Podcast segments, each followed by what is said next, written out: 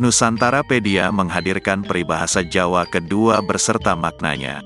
Peribahasa Jawa biasa digunakan oleh orang tua dalam menasihati anak-anaknya, juga dalam memberi sindiran ataupun teguran kepada seseorang.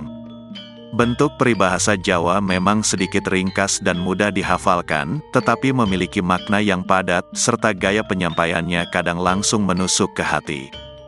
Berikut di bawah ini kami berikan kumpulan peribahasa Jawa dan artinya, lengkap dengan maknanya. 4. Kebo gupak ajak-ajak. Kerbau penuh lumpur mengajak kotor yang bersentuhan dengannya.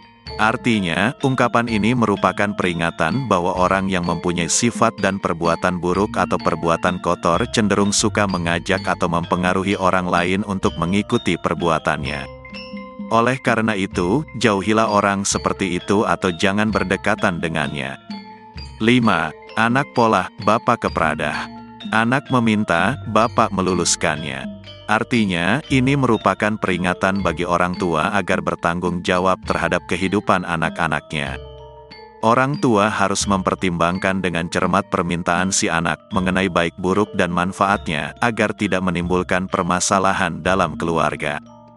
6. Witing Tresna Jalaran Saka Kulina Awal cinta karena biasa berdekatan.